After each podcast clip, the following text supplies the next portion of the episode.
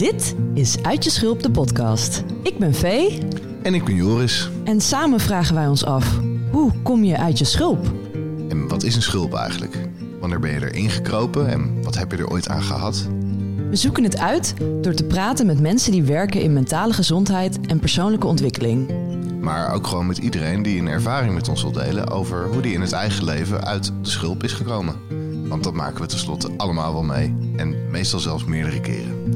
Door de verschillende verhalen en inzichten te delen, hopen we om iedereen die luistert te helpen om ook een klein beetje uit je schulp te komen. Iedereen is welkom. Want iedereen is wel eens uit zijn schulp gekropen. Pak een drankje, schuif lekker aan, laten we beginnen.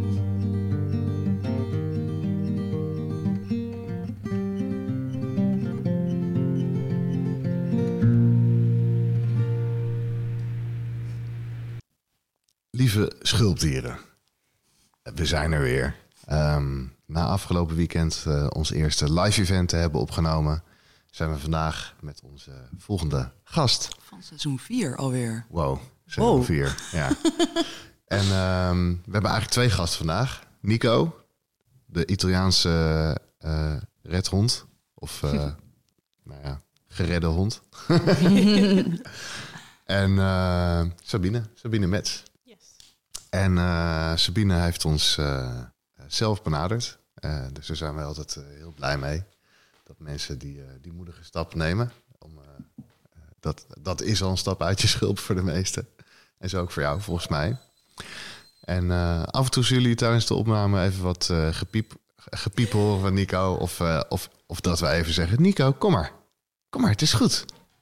Kom maar.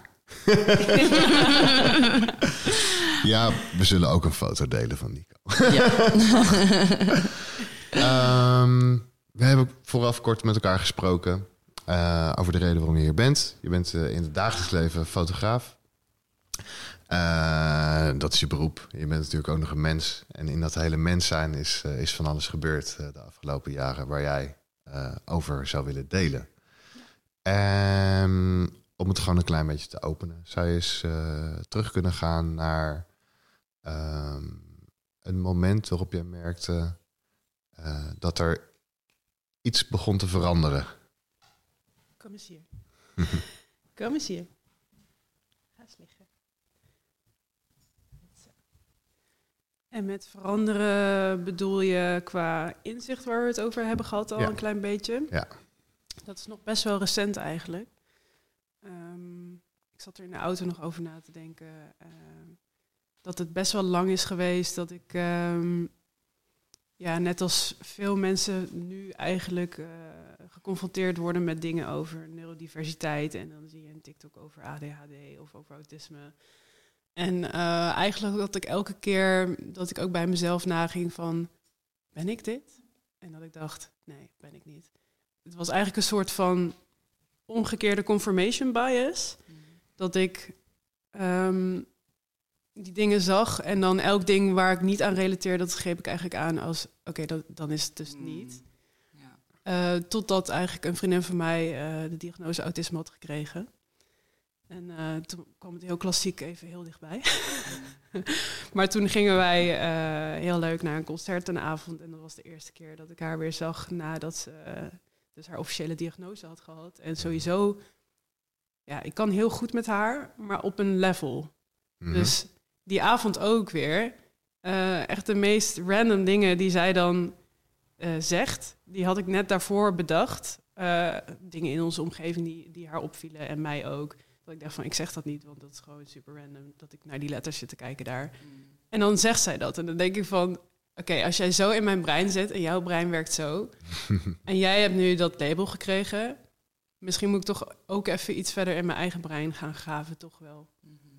Dus toen uh, is het balletje gaan rollen eigenlijk. En toen ben ik met een meer open blik opnieuw gaan kijken naar wat is neurodiversiteit in een mhm. brede zin, maar ook wat is autisme bij vrouwen. Ja.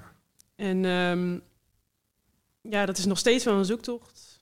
Um, nog steeds best wel vers. Dus uh, ik ben in het moment van ontschulpen bij jullie aan tafel. ja, mooi. Ja. Gaaf dat je dat uh, aan ons toevertrouwt. Dankjewel, ja. uh, dankjewel daarvoor. Um, dankjewel voor het faciliteren. Ja. en mm, je zag dus wel dingen langskomen op, uh, op de socials of waar dan ook, of in boeken. Uh, op televisie, als je daar nog naar kijkt. uh, waarvan je dacht, dit ben ik niet. Maar er was al wel aanleiding in je leven om te denken over... is er iets met mij? Ben ik, ben ik anders dan het gemiddelde, zeg maar? Of zo? Ja, absoluut. Er ja. zijn wel meerdere momenten voor geweest. En ik ben ook wel... Uh, ik zit even te denken, dat is... Um, ik denk in 2016 ben ik voor het eerst bij een psycholoog gaan lopen, omdat ik toen ook ja. best wel vastliep. En um, zij was ook, uh, ik had haar uitgekozen omdat zij um, ook specifiek zei dat ze um, een insteek had die mindful was. Mm. hey, wat is er joh? Kun je niet ook gewoon even heel diep ademhalen? Um, dus toen ging ik bij haar en toen kwam zij eigenlijk na 15 minuten intake kwam ze al met: Hey, heeft er misschien ooit iemand tegen jou gezegd? Of ben je tot inzicht gekomen dat je misschien hoogsensitief bent of hoogbegaafd of allebei? Mm -hmm. zei ik ja, allebei. Maar daar heb ik me altijd tegen verzet. Mm -hmm. um, ik heb tegen mijn moeder altijd gezegd: um, Ik wil geen uh, uitleg voor waarom ik raar ben, ik wil een oplossing. Mm. hey,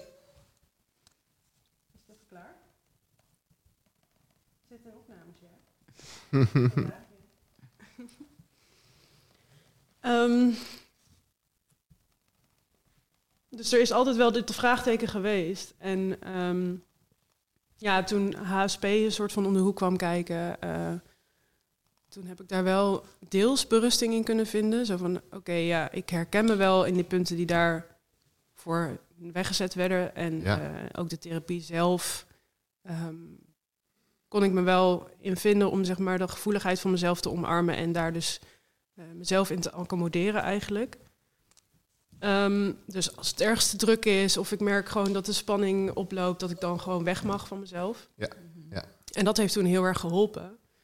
Um, maar het heeft nooit het hele vraagteken beantwoord. Mm -hmm. Merk ik nu dus, nu er dus een een andere optie zich aandient. Ja. Of eigenlijk een, een en, en wat was de vraag achter het vraagteken? Of wat was de, de, de, de twijfel of de zekerheid? Uh, of... Waarom pas ik nergens? Ja. ja. Want, want, wat is het, uh, het verschil wat je merkte? Zeg maar, want je zegt dan, ik wil, ik wil geen uitleg waarom ik raar ben, maar ik wil een oplossing. En wat, wat merkte jij aan jezelf, wat je dus als raar ervaarde? Ja, voornamelijk de reactie van mijn omgeving. Van, uh, en dat is voornamelijk dan in schoolsetting of werksetting geweest. Dus alle settings waar je niet je, eigen mensen uitkiest. Daar heb ik altijd botsingen gehad. Mm. En uh, ja, wat ik al zei, best wel lang gepest. En um, daar werd ook van gevraagd van, maar waarom word je dan gepest? Hè? Want uh, de mensen waar ik dat dan aan vertel, die, daar kun je wel goed mee. Dus die zien dat niet. Ja. Maar dat is een hele grote gekke discrepantie die dan ontstaat tussen... Um, de mensen waar je dus wel die connectie mee hebt en de mensen die dat eigenlijk niet hebben. En daar heb je ook meteen zo'n groot gat in. Ja. Dat je dat gewoon niet kan rijmen eigenlijk ook van waarom is dat nou zo? Ja. Ja. Ja, ja het is inderdaad in een, uh, in een publieke sfeer en dan vooral in een publieke sfeer waarin dus niet die vertrouwensband hebt met mensen. Ja. Dat ze inderdaad niet die connectie met jou hebben. Ja. Uh, en, en dan daarin word je dan eigenlijk uh, teruggespiegeld op een hele confronterende manier. Ja. ja. ja die ken ik trouwens. Ja. Als mede neurodivergent person. ja, ja uh, dan is dingen zoals school en andere publieke plekken zijn dan een soort van hellscape. Ja, um, absoluut. Ik heb zelf heb ik daar, ik had, ik heb daar laatst een soort naam voor gevonden en dat was NPC syndrome. Ik weet niet of je weet wat een non-playable character. Oh, dat komt uit de gamingwereld. Non-playable character syndrome. Dus dat ik had het gevoel dat ik een. Uh, Oké, dus even heel kort uitleggen. Je hebt dus in videogames, ik speel geen videogames, maar ik heb dit van andere mensen gehoord. Dat ze dus zeg maar een non-playable character. Je hebt dus in videogames dat je de personages hebt die dus het spel spelen. Dus de poppetjes die het spel spelen. En die hebben allemaal een soort missie. Het karakter die je bestuurt. Het karakter die je bestuurt, die heeft een missie, die heeft zeg maar functie beyond. Ja, zeg maar, dus die heeft een missie, een persoonlijkheid. Die kan allemaal dingen doen. En zijn of haar purpose is dus om het verhaal uit te leven. Ja. Dan heb je dus dat daar dat die in het spel komt hij dan weer andere characters tegen. En sommige van die characters, hun sole purpose of existence is dus om antwoord te geven op één vraag of gewoon to fill the space. Ja. Uh, en dat zijn dus dan de non-playable characters. Mhm. En ik heb dus voor een heel groot gedeelte van mijn leven het gevoel gehad dat ik dus uh, per ongeluk dat ik een non-playable character was die per ongeluk dezelfde beweegruimte had als de main character. Als de main character. ja. ja. En dat I should not en zeg maar dat de, de playable character die had dan alle instructies. Die wist hoe het ging. Die, dat, die had de roadmap van het verhaal. Ja. Die had alle skills ook. En die had dus dat die, weet je wel, die weet van. Uh, als ik op dit knopje druk, dan gaat er dit gebeuren. Als ik naar deze persoon praat, krijg ik ook het antwoord wat ik nodig heb. Ja. En um, voor mij voelde het dus altijd alsof ik gewoon per ongeluk tot leven was gekomen. En soort van de hele tijd ook imposter syndrome van I'm not a real person. Everybody else is, but I'm not. Ja. En ik weet niet wat ik aan het doen ben. En iemand gaat erachter komen. Mhm. En dan gaat het helemaal mis. En het gaat sowieso helemaal mis, want ik weet niet wat ik aan het doen ben. En Nee. everybody else does. En dit is hoe het hoort. En ik doe daar niet aan mee. Ja. En zo heb je dus dat je een hele avalanche aan bullshit over je heen aan het gieten bent. En Ja. misery over jezelf heen aan het gieten bent. Ja. En voelt dat voor jou als een soortgelijk iets? Als een soort van neurodiverse Ja, persoon? zeker wel. Ja, toen je al ging van... eh, er zijn dan in games karakters die dan een soul purpose hebben... wat veel kleiner is dan het verhaal spelen. Maar ongeluk heb je dezelfde bewegingsruimte. Ja. Ja. Kom jij eens hier. Ik ga jou even vastmaken. En dan ga je gewoon even liggen. Ja, kom maar. Nico die loopt lekker rond. En dus nu gaat Nico eventjes, eventjes aan de lijn. Zodat wij eh, een beetje... eh, Ah, Nico wil snacks. Nico, Nico wil net als iedereen gewoon lekker een Gewoon snack. koekjes. Ja, Ga maar liggen. Het thema grenzen stellen wordt Ja. hier Precies. uitgebeeld. Soms zeg ik ook van ja, het is echt mijn zoon, want hij is net als ik. ja, hij wordt ondertussen lekker gekriebeld en gekroeld. Ja, dus eh, ja, precies. Eh, ja, dus dat, eh, dat idee van de beweegruimte hebben, maar eigenlijk niet zo goed weten wat je wel en niet mag. En Nee. wat wel niet. eh, ja, en dat andere mensen dus dat wel weten van wat het wel en niet mag. Ja, en ook heel erg vaak dus blijkbaar de boundaries van jouw character oversteppen en daar pas achter komen als je daar, als Ja, je daar zeg maar, Achteraf. Ja, een, een uitbrander krijgt of wat dan ook. ja, precies. Ja, Ja, en er ook achter komen dat bepaalde dingen die jij bijvoorbeeld als heel vanzelfsprekend ziet, Mhm. dat die dus niet normaal zijn. Dat dat Nee. dus helemaal niet vanzelsprekend is. en andersom. En andersom inderdaad, Which is ja. great. Ja, je Ja. hebt gewoon een compleet andere rulebook. Ja, Ja, en eh, ja. ja, want ja. dan heb je gewoon echt... eh, mijn vriend en ik zeggen ook heel vaak tegen elkaar van... eh, ben ik nou zo raar? En dan zeg ik, ja, maar iedereen is gek behalve wij. en daar is hij een keer mee begonnen volgens mij. Maar dat is altijd een beetje onze mantra. ja. Als we ons niet vinden passen in, eh, ja, in wat voor situatie dan ook. Of we hebben dus inderdaad eh, allebei best wel een sterk rechtvaardigheidsgevoel. Of hoe di- bepaalde dingen zouden moeten. Mhm. En eh, als we daar dan, eh, als een van ons daar frustratie in voelt, dan eh, kunnen we dat bij elkaar wel kwijt. Dus dat is Mhm. op zich wel fijn. Mhm. ja. Kan je hem nog een keertje zeggen voor me? Ehm, Ben ik nou zo gek? ja, ben ik nou zo raar eh, dat ik hier zo op reageer? Of is de wereld gek behalve wij? Hmm. ja, ja, dat is een eh, hele mooie. Ja, ik denk sowieso het hele idee van normaalheid. Eh, eh, ik had toevallig laatste zaterdag nog over het hele concept van mono. En dan monocultuur in elke vorm van Eenheidsworst. eenheidsworst. Dat is hem, ja. Ja, normaal is, een, een, is eigenlijk een soort van statistische uitspraak. Hè? Je ja. hebt het, je hebt Ja. het, dat, is, dat is het gemiddelde. Dat is Ja. waar, de, mee, de, de, waar de grote kluwen zitten. Dat is de, de standaard curve het- die in alles voorkomt. En, en rond het midden zitten de meeste, zit de grootste groep. En dan heb je de afwijkingen naar de, naar de, de outskirts waar wij zitten. ja. Naar de randen toe. Um, maar ook, hè, want dit is ook een ding, is dat mensen soms ook uh, liegen over waar ze zitten. Want ik zat gisteren een boek te lezen over. Snap uh, ook niet. Ja, ik zat gisteren een boek te lezen dat heet I Did Not Do the Thing. En dat gaat dus over productiviteit en dan zeker als creatieve mensen met een creatief beroep. En daar gaat het dan dus over routine. En dit is een vrouw die dus dan de routines van creatieve mensen die in de creatieve industrie werken, uh, is gaan nagaan. Omdat zij zich altijd schuldig voelde over dat zij niet genoeg routine. Hmm. Zeg maar, dat, ze was altijd op zoek naar de perfecte routine. En het, omdat daar zo'n soort van nadruk op gelegd werd van je moet een routine hebben, routine is key. En dus dat mensen dat ook gewoon zeggen, terwijl ze zelf geen routine hebben. Mhm. ja. ja, nee, ja, ik heb wel echt een vast routine. En dus ondertussen heeft zij daar dan onderzoek naar gedaan. Dus die mensen gevolgd, is met ze mee gaan kijken. Ze hebben helemaal geen routine. dus en dat is dus ook een soort van illusie van dat routine mogelijk is in een leven wat heel dynamisch en uh, unpredictable is. Dus eigenlijk is zeg maar de. Je kan dus vraagtekens gaan stellen bij in hoeverre uh, zeggen mensen ook maar gewoon dat zij dat altijd doen. Terwijl, omdat dat soort van verwacht wordt, omdat dat het standaard antwoord is. Ja, terwijl en wat, en wat werkt voor je als je, als je eh, extreem links van de normaal staat versus extreem rechts van de normaal? Ja wat betekent routine aan die beide kanten van, een, van een mm. normaalverdeling voor je? Ja. En uh, uh, ik, ik, ik vind het wel interessant. Dus hè, het is natuurlijk in een, uh, in een schoolsetting de, de, de ideale voedingsbron voor, uh, voor pestgedrag. Ja. Als je dus inderdaad ver van die normaal afwijkt. En als, als dat soort van opvalt. Maar hoe viel dat dan op uh, in geval, hoe, hoe, merkte je van hey, er, er zijn verschillen en waar, waar zaten die hem voor jou in?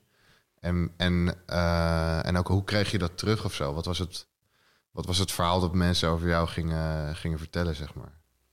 Ik uh, op de basisschool, ik ben in dit proces ben ik ook heel erg gaan teruggraven natuurlijk inderdaad mhm. naar dit soort dingen. Van waar was dan voor het eerst zo'n uh, sign voor mij van hé, hey, jij bent anders of jij past er niet tussen of wat dan ook. Mhm. Maar vanaf de basisschool ben ik wel gepest, maar ook heel erg uitgedaagd omdat ik blijkbaar uh, best wel snel boos reageerde. Mm. Mhm. Nu denk ik van ja, ik was gewoon knetter overprikkeld. Mhm. En dan hoef je maar één vinger naar me uit te wijzen en dan explodeer ik. Ja. Gewoon een meltdown. Ja. En dat gingen ze bij mij provoken. Ja, ja dat was natuurlijk. Uh, en ik had dus. Uh, ja, lachen. leuk. Oh, reactie. Ja, precies. Ja. ja, oh, ik ben helemaal mezelf aan het knoeien ervan. Ja. dat is emotie. maar um, ja, ik vond dus een, um, een afscheidsboekje terug van groep 8. En um, de leraren die hadden bedacht dat het leuk zou zijn als iedereen iets over elkaar zou schrijven. En in essentie is dat natuurlijk leuk als je met elkaar in de klas hebt gezeten en het is gezellig. Ja. Um, waren het niet dat er bij mij allemaal verhalen geschreven waren. Nicootje, doe eens even rustig. Nee. Je bent heel erg bezig nu, je bent net een kleuter. waren er bij mij allemaal, ik denk negen van de tien dingen was, ja, je was soms wel aardig, maar ook wel heel boos. Hmm. En dat was zo'n confrontatie, want ik, ten eerste had ik dat helemaal weggestopt. Ik was dat helemaal vergeten dat dat gaande was toen. En dat je dat dan zo keer op keer. Uh, die kinderen hebben dat allemaal los van elkaar, hebben ze dat opgeschreven over mij. Ja. En dat ik dan ook nog teruglees wat ik over hun heb geschreven. En dat ik echt zichtbaar zo erg mijn best heb gedaan om over iedereen iets unieks en iets leuks te schrijven. Ja, toen brak mijn hart echt voor mezelf. Toen dacht ik echt, Jezus. Ja. Ja.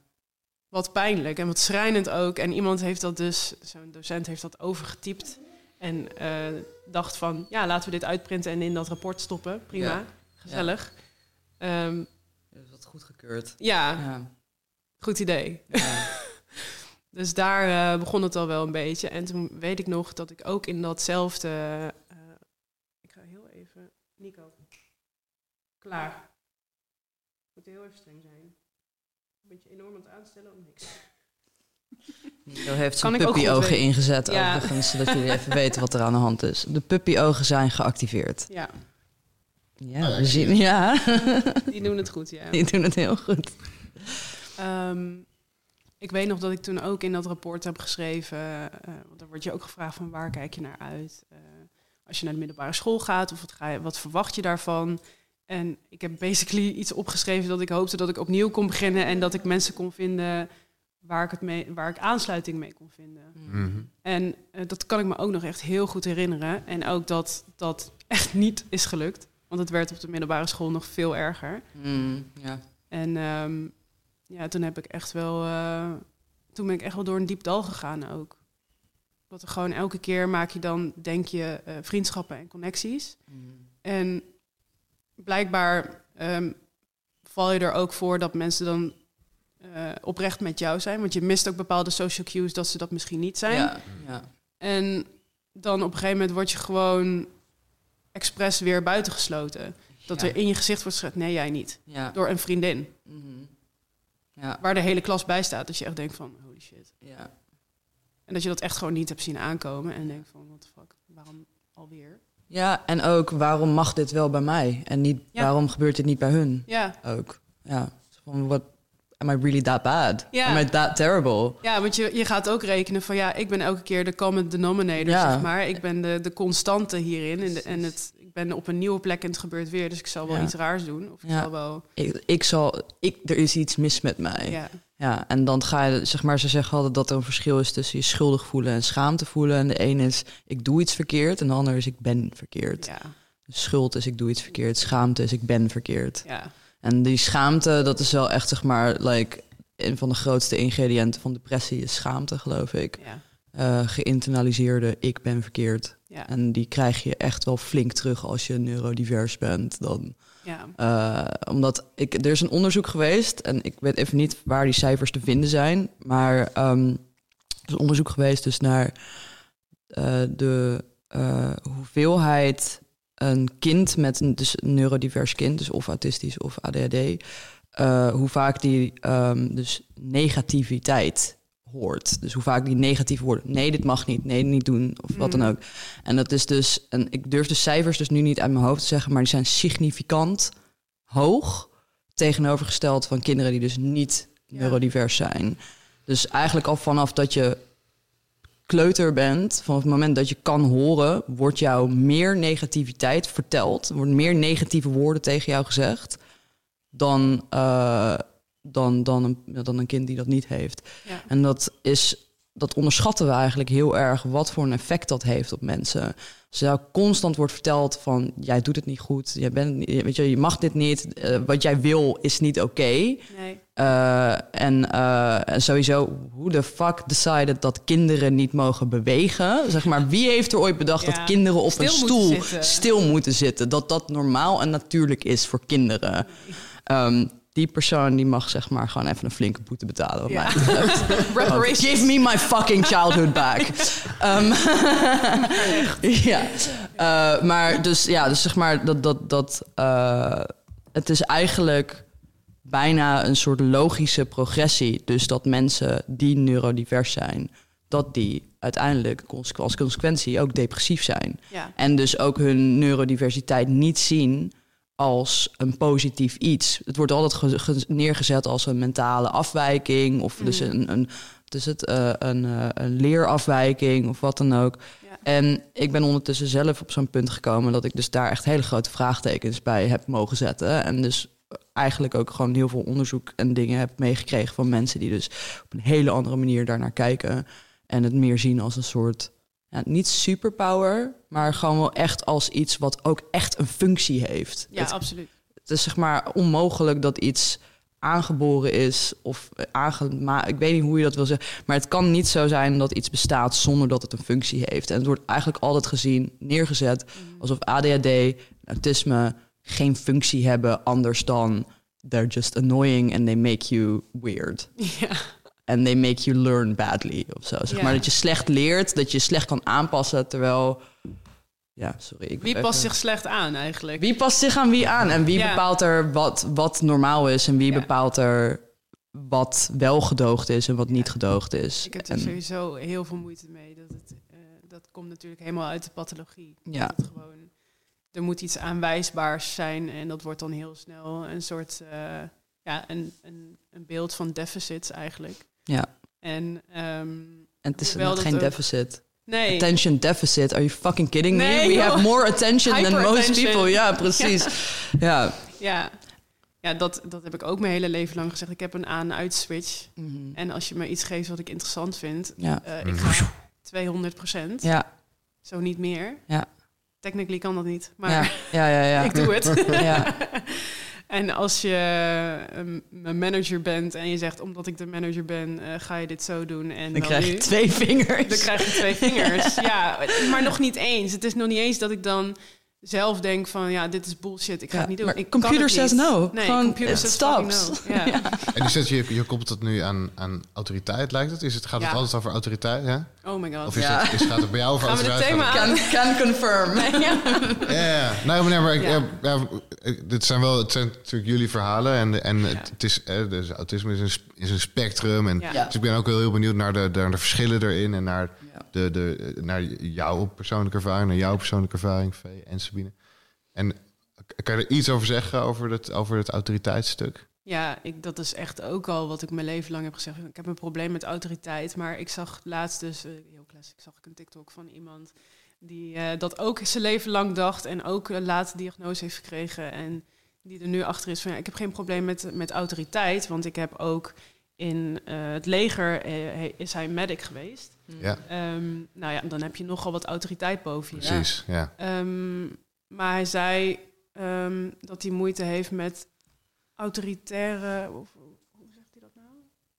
Hoe zeg je dat als iemand zeg maar zonder. Entitlement. Ja, daar is het wel nou, gebaseerd. Over, dat zei hij niet, macht. Maar... Je hebt verschillende vormen vorm van macht. Dus je ja. hebt uh, uh, hiërarchische macht. Dus gewoon iemand staat letterlijk boven. Ja. En als je denkt aan een medische positie in het leger, dan heb je de, de persoon die jou aanstuurt, is, is waarschijnlijk ook medicus. En die heeft ook echt vakinhoudelijke kennis op basis waarvan die macht kan uitoefenen. Ja. En, een, en een andere positie heeft. En dan heb je nog uh, visionaire macht, zeg maar. Dus mensen die, uh, die echt een, een, voorbeeldrol kunnen, kunnen, mm. kunnen hebben. Dus voor mij zijn dat de drie belangrijke vormen van, uh, van macht. Hiërarchisch, uh, inhoudelijk en een visionair, zoiets. Ja. ja, ik zie dus echt heel veel verschil tussen inderdaad of jij um, respect verdient. En dat is niet mhm. per se dat ik daar een oordeel over vel, maar gewoon van ja, als jij heel goed bent ergens in en uh, je hebt daardoor een positie vervuldigd. Nico, hou eens op. Nou is klaar. Moet even doen zijn. Ik ben echt bezig, joh. Hij vindt het ook heel spannend. Hij ja. zit ook voor het eerst bij een podcast. Ja. ik dacht, hij gaat gewoon stil onder de tafel liggen. Nee, klaar. En hier hebben katten in huis rondgelopen natuurlijk ook. Oh, hier niet. Ja. Hier niet. Dat was geen grap. Nee. die, oh, die zijn niet hier geweest, oké. Nee. Ja. ja. Dus ik heb pas een probleem als iemand zichzelf boven mij verheft zonder dat daar, ja, zonder dat daar uh, grond voor is. Zeg maar. Als iemand gewoon mijn manager is, maar ik heb zoiets van ja, volgens mij uh, wat ik moet doen, volgens jou kan ik zelf beter bepalen hoe ik dat moet doen. Ja dan ga ik dat doen. Mhm. Of ik doe het niet. Mhm. Ja. ja. en dus dat is nog niet eens een, een, ja, nogmaals, het is nog niet eens een oordeel. Dat werkt gewoon niet. Ja, ja maar dat, daar, daarin hoor ik dus ook uh, in hoeverre je zelf ruimte krijgt om te bepalen hoe je iets gaat doen. Ja. Uh, dus, dus als je een, uh, als je een eindtool krijgt, ik, ik zou graag zien dat je hier uitkomt. Ja. En je mag zelf de route bepalen. Dan, dan ga je, is de kans groter dat je aangaat dan wanneer iemand zegt, uh, dit is de eerste stapje en dit is stap 2 en dit is stap 3. En, ja. en uiteindelijk wil ik dan dat je daaruit komt. Ja. ja. en het uitlegt waarom iets gedaan moet worden op de manier die zij per se willen. Uh, want dat is voor mij ook een ding. Is zeg maar dat als iemand zegt van ja, het moet zo. En dat ik dan dat zie, dat proces. En dan denk ik van why? Dat is zo inefficient als je het zo doet. Nee, het moet zo. Ja. Want we doen het zo. Want we doen het zo. Wie is we en wie is we en waarom en why are you so stupid? En, zie je niet dat het veel efficiënter kan? Maar als iemand dus aan mij uitlegt van het moet zo, ja. Omdat zus, zus, zus, zus, dan kan Fine. ik erin komen. Fine, let's do it your way. Let's do it the inefficient way. I'm cool with it, if you're cool with it. Maar ik moet het begrijpen. Ja, same. En it needs to make sense to me. En dat is dus ook een probleem vaak. dat je zeg maar, jij ziet iets wat de ander dan niet ziet. Mhm. En uh, it doesn't make sense to you. Ja, en je eigen roadmap van uh, efficiëntie is ook gewoon compleet anders. Ja. Ik heb hele andere uh, stimuli nodig om ja. Efficiënt te kunnen werken en Precies. om echt tot een einddoel te komen. Ja. Dus dan lijkt iets wat voor, wat, laten we zeggen, neurotypicals een efficiënte manier is, lijkt dan dat je denkt, ja, maar dat is toch een mega omweg. Ja, en voor hun is, het, is mijn manier een mega omweg. Ja, precies. Maar, en ik vraag me ook af in hoeverre dat gaat over uh, de mate waarin je je gewoon kan overgeven aan... oh, ik ga dit dan gewoon doen op zo'n manier. Mm. En, en er überhaupt niet eens mee bezig bent of het de meest efficiënte manier is niet. Nee. Het lijkt me erop, komt, over, komt op mij over alsof jullie altijd bezig zijn met die vraag... Uh, is dit de optimale manier of zo? Zit er iets in? Ik weet niet hoor. Ik ben, het ligt eh, eraan in wat voor context het is. Het is zeg maar op het moment dat je dus geconfronteerd wordt met, uh, met, een, een, met een andere manier zonder uitleg erbij. Ja. En ik denk dat het dus een beetje die, zeg maar, omdat wij, ja, omdat ik dus als neurodivers persoon niet gewend ben aan vanzelfsprekendheid. Uh, voor mij, wat voor zeg maar andere mensen heel vanzelfsprekend is, is altijd niet vanzelfsprekend geweest voor mij. Mhm. Dus ik denk dat daar gewoon een soort automatisme in zit. Dat je eigenlijk altijd bezig bent met parsing van wat is wel en niet vanzelfsprekend. En eigenlijk dat je dan soort van achterkomt dat niks vanzelfsprekend is. Mm En dus dat als iemand doet alsof zeg maar iets heel vanzelfsprekend is. Dus ze komen met een proces. Denk je dat je iets gemist hebt? Ja, en zo van, wait, when was that meeting? How is everybody doing this dance? I did not get the choreography. I did not get the choreography. Did were we supposed to be a flash mob? What? I did not get the memo. En, en, dus, en dat jij dan soort van aangekeken wordt van... what the fuck, waarom weet je dit niet? Terwijl, oh, zeg maar van... Oh, ja. What the fuck, waarom ga je ervan uit dat ik dit weet? Ja, ik had dat ook op mijn studie echt super vaak. Dat ik dus blijkbaar heel veel letterlijke memo's had gemist over huiswerk... en, en opdrachten die we dan en dan moesten doen. Mm. Ehm, en dat gaat denk ik ook terug naar een stukje executive functioning misschien. En verbale uh, instructies meekrijgen. Mhm. Ehm, maar dat ik gewoon heel vaak, dat ze dan, een, uh, dan waren mijn medestudenten waren bezig met, oh ja, morgen moeten we dat inleveren. Wat? en dan moesten ze altijd lachen, zo van, oh, heb je het weer niet meegekregen? Ja. Jezus, zit jij nooit op te letten Heb je niet opgelet? Ja. ja, I guess. Oh, stress, jongen. Ja. Ja. En dat zit hem in het oppikken van de social cues, dat in gesproken tekst uh, het overgaat van een uitleg naar een opdracht. Ja, ja. ja. ja. Waarschijnlijk wel, ja. ja. Ja, daar ben ik dus inderdaad ook aan het uitpuzzelen van waar zit het hem dan in. Ja. Maar dat soort dingen komen wel boven nu, dat soort herinneringen, dat ik nu denk van, oh, daar zat misschien ook inderdaad dat gewoon mijn brein even niet op dat spoor bezig was. Dus dat het dan niet binnenkomt. Ja. ja ook al staat het op het bord ook, of weet ik Ja ja. nog iets anders aan het processen ben op dat moment. En dan, ja, waarschijnlijk is dat inderdaad elke keer hetzelfde moment in de les. Dat ik dus nog bezig ben met, oké, wat hebben we net eh, allemaal gedaan en weet ik veel. En dan wordt op het laatst wordt dan instructie gegeven voor huiswerk of wat dan ook. En dat gaat dan blijkbaar op een ander spoor of dat gaat langs me heen. Ja. Dus elke keer weer. Ja. en, uh, en dit is eigenlijk ook best wel een belangrijk woord wat je laat vallen. En ik wil eigenlijk even kijken of je daar misschien iets meer over wil zeggen. Ehm, dat je dingen aan het processen bent. Ja. En uh, dat is voor mensen die neurodivers zijn een heel belangrijk iets. En dus ook iets waarin dus um, dingen anders gaan vaak. Omdat dus het lichaam daar heel erg bij betrokken is. Kan je daar iets over vertellen van hoe voor jou uh, bepaalde dingen, hoe jij bepaalde dingen processt? Bijvoorbeeld uh, moet jij dingen meeschrijven met je vinger of met je voet? Uh, tik jij dingen? Heb je dat je in je lichaam tintelingen voelt? Of, zeg maar, er zijn allemaal verschillende manieren waarop zeg maar, mensen die neurodivers zijn dingen processen. Of dus overprocessen soms. Of dus overgestimuleerd raken. Mhm. uh, en dus ze daar bijvoorbeeld bezig zijn met hoe hard iemand naast ze zit te smakken... terwijl de leraar aan het, aan het praten is. Mhm. Kan jij iets vertellen over wat jouw ervaring is met processing? Ja, en dat is uh, een van de grootste dingen waar ik nu echt gewoon tegen een muur aanloop, nu ik het ook weet. Mm. Dan begint het op te vallen hoe slecht je daar eigenlijk in bent om die dingen allemaal tegelijk te doen. Want je denkt altijd van, oh, I'm fine. Ja. Totdat je denkt van, oh, maybe I'm masking. Ja. Uh, en dan drop je mask ook meteen en dan denk je echt van, oh, het werkt echt helemaal niet gewoon. Mm En dat je dan inderdaad merkt van, oké, ik ben aan het rijden en uh, mijn vriend die is tegen me aan het praten en ik moet ik heb de navigatie niet aangezet, want ik denk, ik weet hoe ik naar de IKEA moet rijden. Daar ben ik al heel vaak naartoe gereden. Maar het is een emotioneel gesprek. En uh, dan rijd ik gewoon verkeerd en dan raak ik overweldigd, ook door het emotionele gesprek. En dan raak ik gefrustreerd van waarom werkt mijn brein nou niet? Mhm. Waarom kan ik dit niet tegelijk? Mhm. En dan ben je al veel te ver. Ja. Dat is een. Uh, en dan krijg je ook dat je lichaam helemaal aanstaat, dat je bibberig wordt, dat je echt zeg maar nerveus wordt. Ja, heel. Ja. Ja. En dan ga je nog meer fouten maken en dan komt dat geïnternaliseerde. Ik doe het verkeerd, ik ben verkeerd. Komt dan weer aan. En then you're in the soup. Yep. in the meltdown soup. This, the soup of misery, flavored with ADHD. Ja. ja, helemaal perfect. Ja. maar dan dus niet. Nou. ja. of dus wel. Ik bedoel, ik dacht net ook uh, toen jij zei van ja, uh, ik geloof er niet in dat het alleen maar deficits zijn. Ja. Daarin denk ik, kwam heel erg naar boven. Ja, God doesn't make mistakes. Nee. Dat we echt een, een purpose hebben in de soep of it all. Ja. Uh, dat geloof ik ook echt. Er zijn ook wel verschillende onderzoeken al naar geweest. Ja, hele interessante dingen komen daaruit. Ja. die heel erg life-affirming zijn als iemand met, uh, met neurodiversiteit. Ja, absoluut. Dat je zeg maar in plaats van, oh, I'm a nuisance, dat je denkt van, oh, hang on, I'm an asset. Ja. En, uh, very specific one. Very specific one.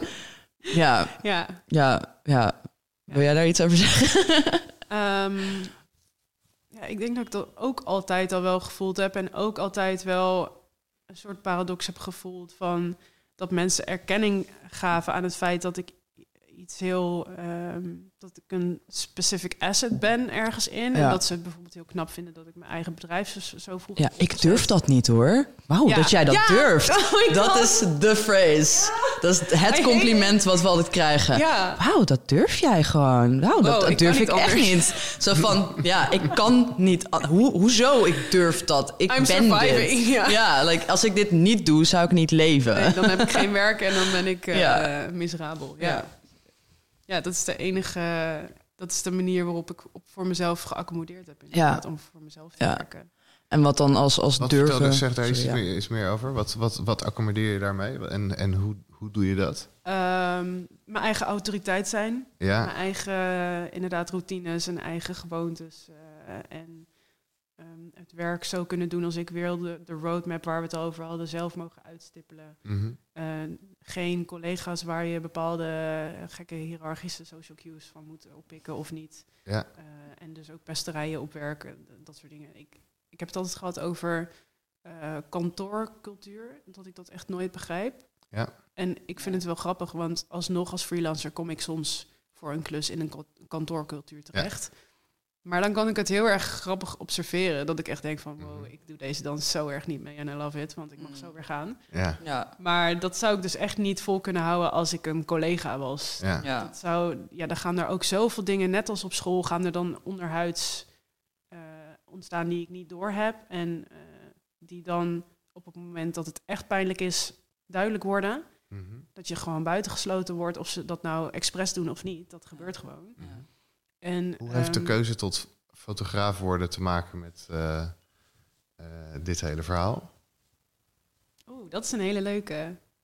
Ik denk um, dat ik sowieso dus altijd een hele unieke manier van uiten, ja, chill, um, heb gemerkt bij mezelf. Dat ik in ieder geval mezelf op mijn eigen manier moest uiten en wilde uiten. En ook voelde van ja, dat is. Ik moet mezelf verstaanbaar maken op de een of andere manier. En ik was mezelf heel veel aan het uitleggen ook. En fotografie gaf me daar eigenlijk een soort van adempauze in. Dat ik dat met beeld kon doen. En dat mhm. ik daar ook niet verbaal in hoefde te zijn. Want ik begreep dat zelf ook niet. Mhm. Ook voordat ik er überhaupt een woord voor had. Bijvoorbeeld als neurodiversiteit. Um, ja, wat ik ook al zei, van ik wil geen uitleg voor waarom ik raar ben. Ik wil een oplossing. Dat was ook heel erg het ding, maar ik wilde me wel kunnen uiten zoals wie ik was. En dat vond ik heel erg in foto's maken. Mhm. En uh, gewoon heel uh, geconcentreerd bezig kunnen zijn met een beeld. En ik weet nog heel goed uh, dat ik met VWO op examenreis was met de hele klas. En dat ik toen net mijn eerste cameraatje had ook.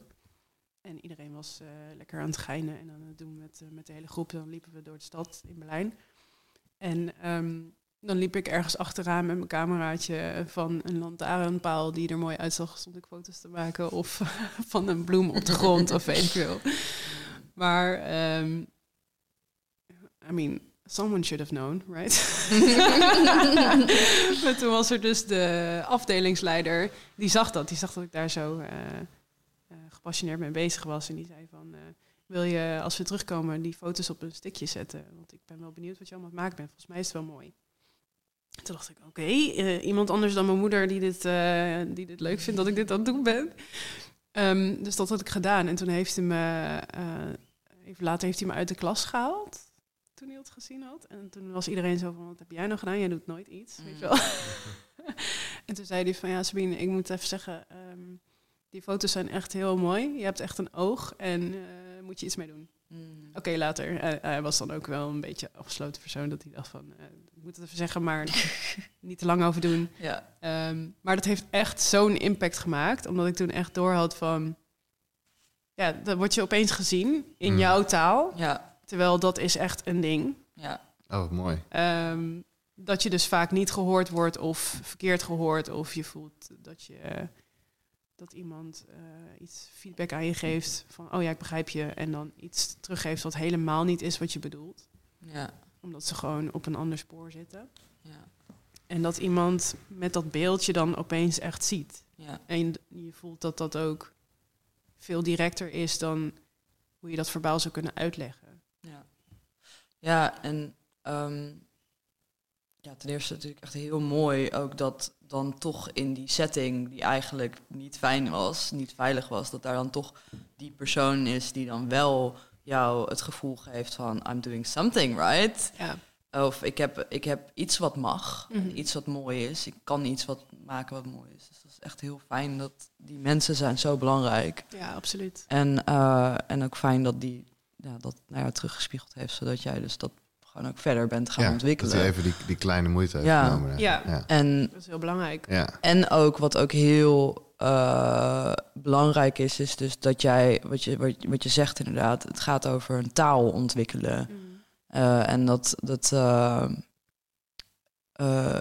je begrepen voelen en ook dus het, het gevoel hebben van I am allowed to make sense of the world in my own way.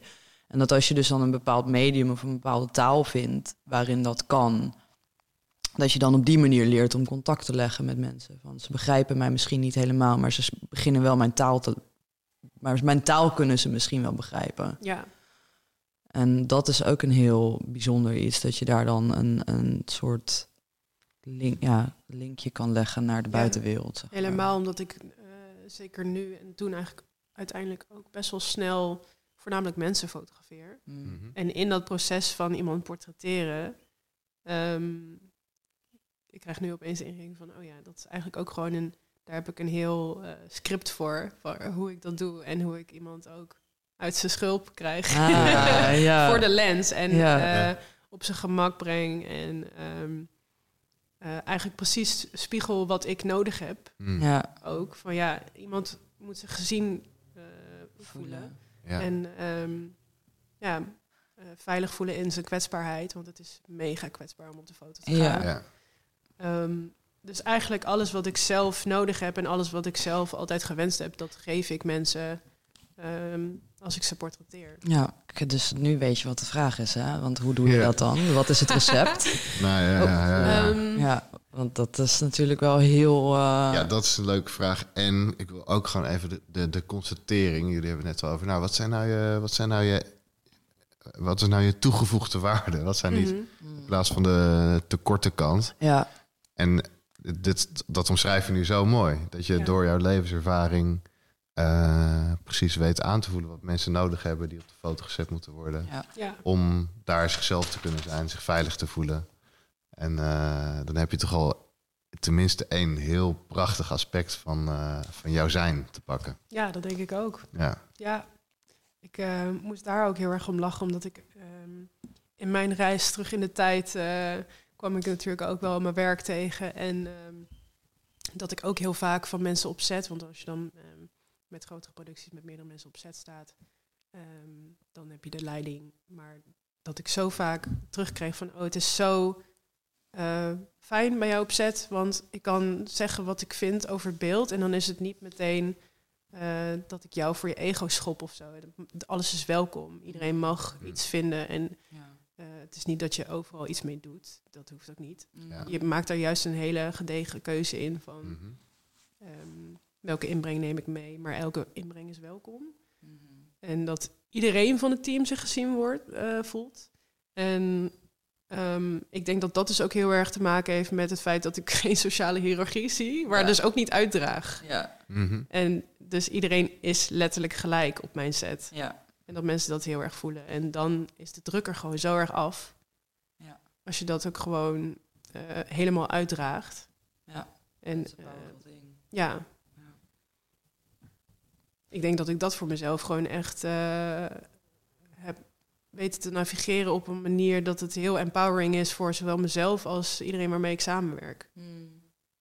Ja, dat, is, dat is echt uh, het is grappig dat je zegt. Want inderdaad, in het zoeken naar wat is de waarde.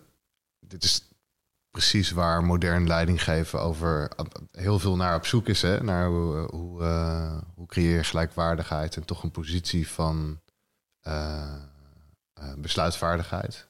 Wederzijds van, respect. Van, ja, wederzijds maar, maar dus dat je wel als leidinggever dus de, ja. de, de, echte leiding kan nemen, de keuzes durft te maken nog steeds. Ja. Maar mensen het gevoel kan geven dat, ze, dat alles welkom is, dat, uh, uh, dat het niet zoveel uitmaakt op welke positie je formeel staat. Nee. Uh, ik merk dat mensen daar heel ongemakkelijk van worden soms. Ja. Omdat ze het zo niet gewend zijn. Ja. En dat kon ik eerst dus niet plaatsen en nu wel. Nu denk ik van, oh ja, that makes a lot of sense actually. Ja. ja. Mooi. Ja. En um, we gingen even naar je basisschool, je middelbare school, mm -hmm. stukje studie. Uh, heb je een fotografieopleiding gedaan van andere... Uh, nee, te eigenwijs. Ja? Opleiding. Opleiding. Gek geworden. Somebody telling me what to do. Precies. Wat was dan wel je keuze? Waar heb je... Ik uh, ben toen gegaan voor communicatie en multimedia design. Ja.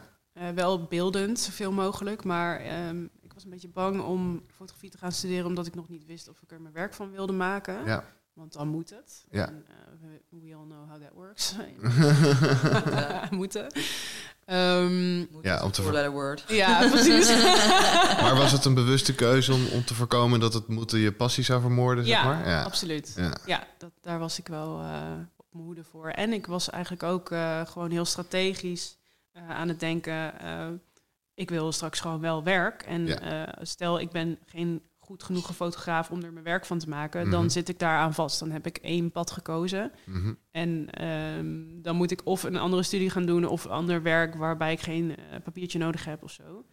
Dus dat was me iets te eenzijdig. Ehm, dus toen dacht ik van oké, ik wil wel iets beeldends doen, maar dan gewoon um, wat commerciëler en veelzijdiger. En mhm. toen is dat het geworden. Maar ik ben daar altijd naast blijven fotograferen en uh, kon dat eigenlijk ook niet, wilde dat niet loslaten. Ja. Hoeft ook niet. ik kon het er gewoon bij doen. Um, en uh, toen in mijn afstudeerjaar, tijdens mijn laatste stage, toen bedacht ik me op dat uh, ontwerpbureautje waar ik uh, bezig was van, ik zie mezelf echt niet solliciteren naar zoiets. Hmm. Um, ik wil eigenlijk gewoon foto's maken. Dus ik ga gewoon kijken hoe dat gaat en of ik dan uiteindelijk mijn huur kan betalen. We shall see. Mm -hmm. Maar dat was gewoon voor mij inderdaad ook de enige uitweg. En dat mensen zeggen, oh, dat is zo dapper. En ik dacht alleen maar van, als ik er een baantje naast neem, dan krijg ik al het gezeik van baantjes wat ik tot nu toe ook al heb gehad, krijg ik nog een keer. En dan heb ik daar te veel stress van om mijn bedrijf van de grond te krijgen. Ja. Het is less stressvol als ik eerst de eerste anderhalf jaar geen geld verdien. Hmm. En daar gewoon mee bezig ben en uh, op focus om dat uh, van de grond te krijgen, dan dat ik ook nog uh, weer zo'n bedrijfscultuur moet navigeren. Met allemaal cues die ik mis. Ja. Ik heb liever geen eten dan dat ik ergens op tijd moet komen. Ja. I'm not kidding. Gewoon, ja.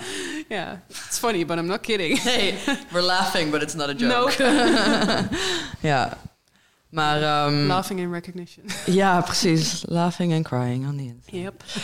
um, ja, ik wil toch nog heel even terugcirkelen naar uh, hoe jij dus mensen op hun gemak stelt uh, voor de camera. Want dat is een heel, heel sluit heel mooi aan bij wat wij natuurlijk onze hoofdvraag van de podcast is: hoe kom, hoe kom je uit je schulp? En dus ja, eigenlijk ben jij in een soort van unieke positie waarin jij ons kan uitleggen hoe jij andere mensen helpt om uit hun schulp te komen voor de camera. Mhm. Dus wil je wat delen over je proces? En, uh... Ja, ik kan misschien wel letterlijk schetsen wat er stap voor stap gebeurt als iemand uh, bij mij bijvoorbeeld in mijn thuisstudio binnenkomt of op locatie. Dat ik, uh, want ik fotografeer ook vaak mensen in hun huis, wat natuurlijk ook een hele intieme setting is. Ja.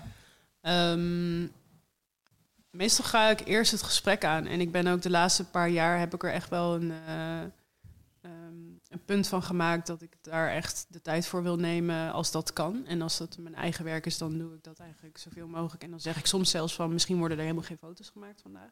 Het gaat mij om jou. Mhm. Ik wil jou leren kennen. Mhm. En uh, kijken wat daarin naar boven komt, wat we samen kunnen maken. En uh, daarin zit ook weer die gelijkwaardigheid van we maken dit samen. Mm. het gaat niet om hoe fotogeniek je bent. Dat zeggen mensen meestal van, oh, maar ik ben helemaal niet fotogeniek als ik ze vraag om op de foto te gaan of weet ik veel. Mm. En dan zeg ik altijd van, ten eerste, ik denk daar anders over. En ten tweede, volgens mij is dat aan mij om jou goed uh, op beeld te krijgen. En ik denk dat mm. dat wel kan.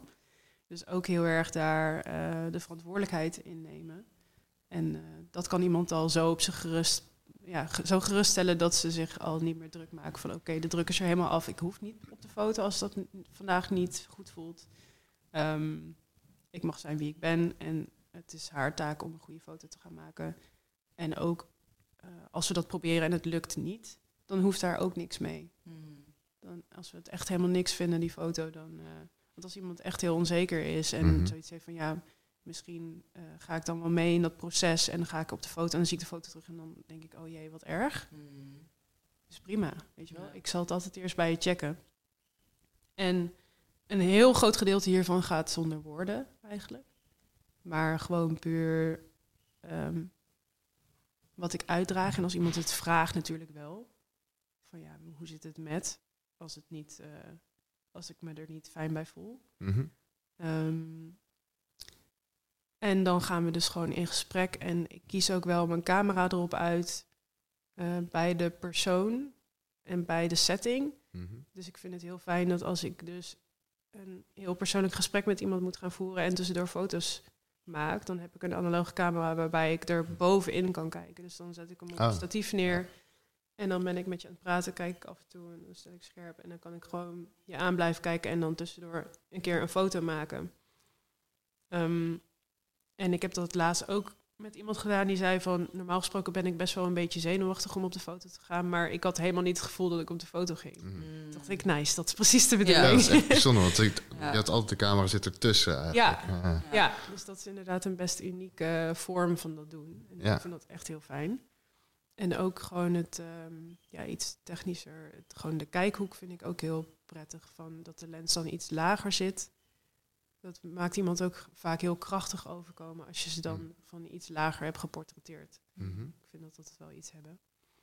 En dat, uh, dat vinden mensen, merk ik, ook wel fijn om terug te zien.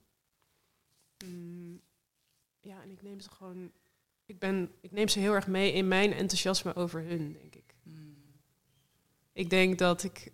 Um, ja, dat, dat is ook weer het hele ding van ik spiegel terug dat ik ze zie. En ik noem ook bepaalde dingen die misschien dus andere mensen niet zien. Ja. Ehm, waarvan ik zeg van, hé, hey, dit waardeer ik heel erg. Of ehm, hoe je zo bedenkelijk nu naar buiten kijkt, dat vind ik heel mooi. En, uh, of ik zeg dat niet letterlijk, maar ik vraag van, kun je daar nog meer over vertellen? En dan gaat iemand dus nog meer in die emotie waar ze het over hadden. Mhm. Ehm, of als mensen heel erg vragen van, wat moet ik doen, hoe moet ik zitten? Dan zeg ik, niks. Mhm.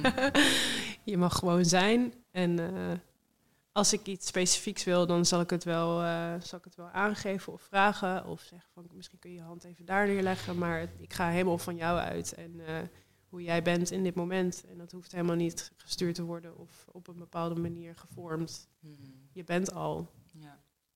En dat is genoeg. Ja.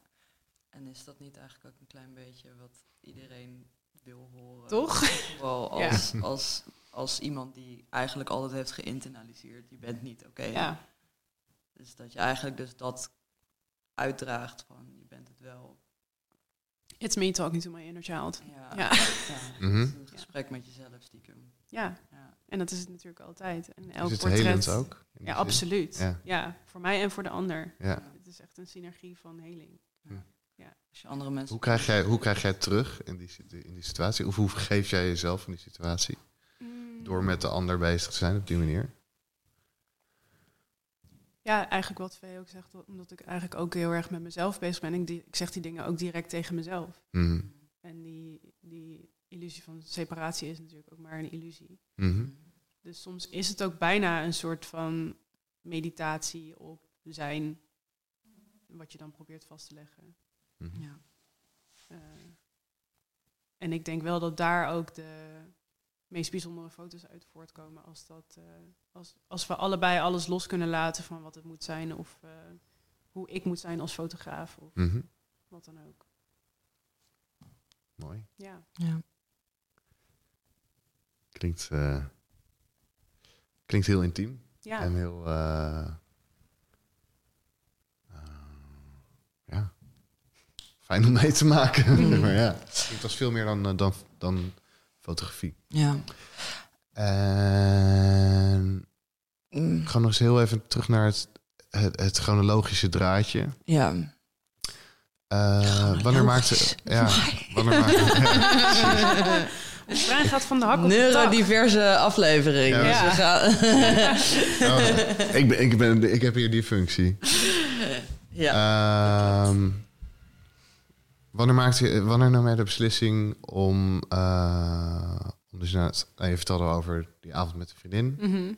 En toen dacht je, oh, misschien moet ik dan ook eens even... Wat, hoe, ging dat, hoe ging dat? Wanneer was dat? En, oh, wanneer? Ja.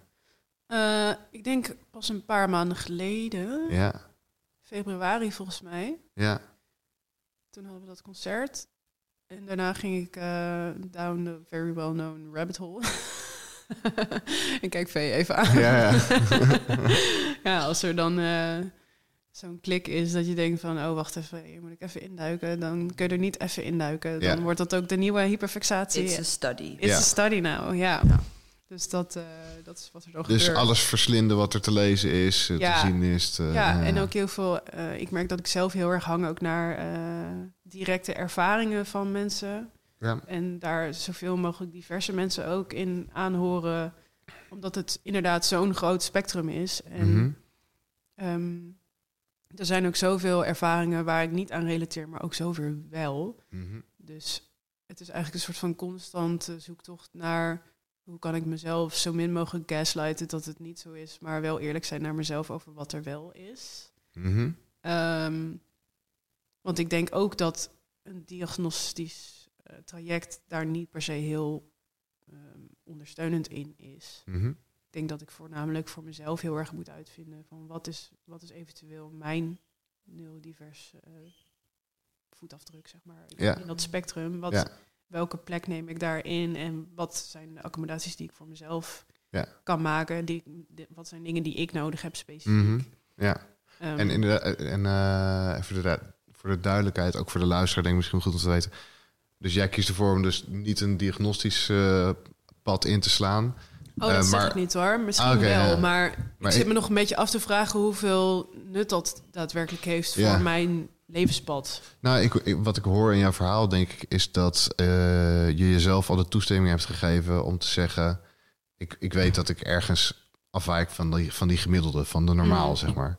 Dat ik een, een andere opbouw heb. Ja. Uh, en in mijn ervaring is het vaak heel prettig om jezelf die toestemming te geven om een diagnose te hebben. Ja. Dus in die zin heb je een diagnose niet, niet nodig, denk mm. ik. Uh, ja, dus dat wil ik wel even meegeven, weet je wel. Dus dat is natuurlijk, iedereen heeft zijn eigen pad. En het is denk ik goed om altijd te verhelderen van welke keuzes maak je in zo'n pad en waarom. En welke functies hebben eventuele stappen. En ik noem nu maar één klein voorbeeldje, maar blijf, blijf, blijf altijd zelf nadenken over hey, wat, wat, heb ik, wat heb ik te doen.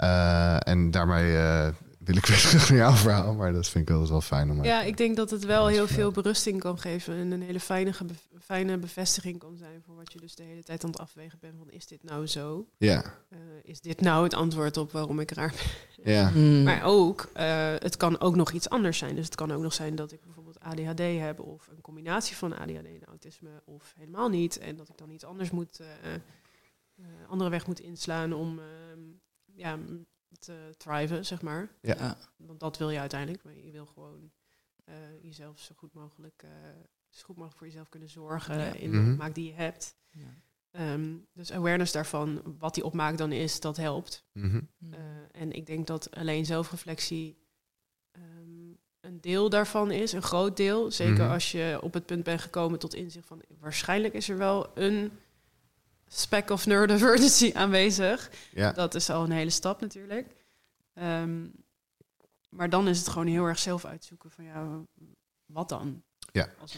Ja. ja, en ook wat voor betekenis je aan dingen geeft en zo. Ik denk dat, um, dat er een. Uh, ja, hoe zeg je dat? Er kan heel veel berusting komen uit een diagnose. En uh, het ligt er gewoon een beetje, of tenminste mijn persoonlijke ervaring, uh, ligt het er een beetje aan wat je daarmee doet. Mm. Want je kan namelijk één kant op gaan en dat is zeg maar al je alles als een soort excuus gebruiken. dus van ja, maar ik heb ADHD, dus ik doe dus dit. Ik hoef dit niet te doen, want ik heb ADHD.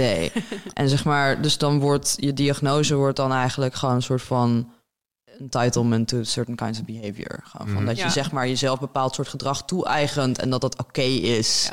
Terwijl eigenlijk zeg maar ja, misschien dat niet is. Mhm. En uh, ja, zeg maar jezelf compleet van any kind of responsibility afhalen. Dat is, dat is waar ik altijd bang voor was. Waarom ik zei van mam, ik wil geen ja. uitleg. Uh, ja. ja. En ik denk dat ja, en ik denk dat dat zeg maar voor mij de, de manier om er wel op een, op een effectieve of gezonde manier ermee om te gaan is dus om het niet als een excuus te gebruiken, maar juist als een reden om verantwoordelijkheid te nemen. Ja.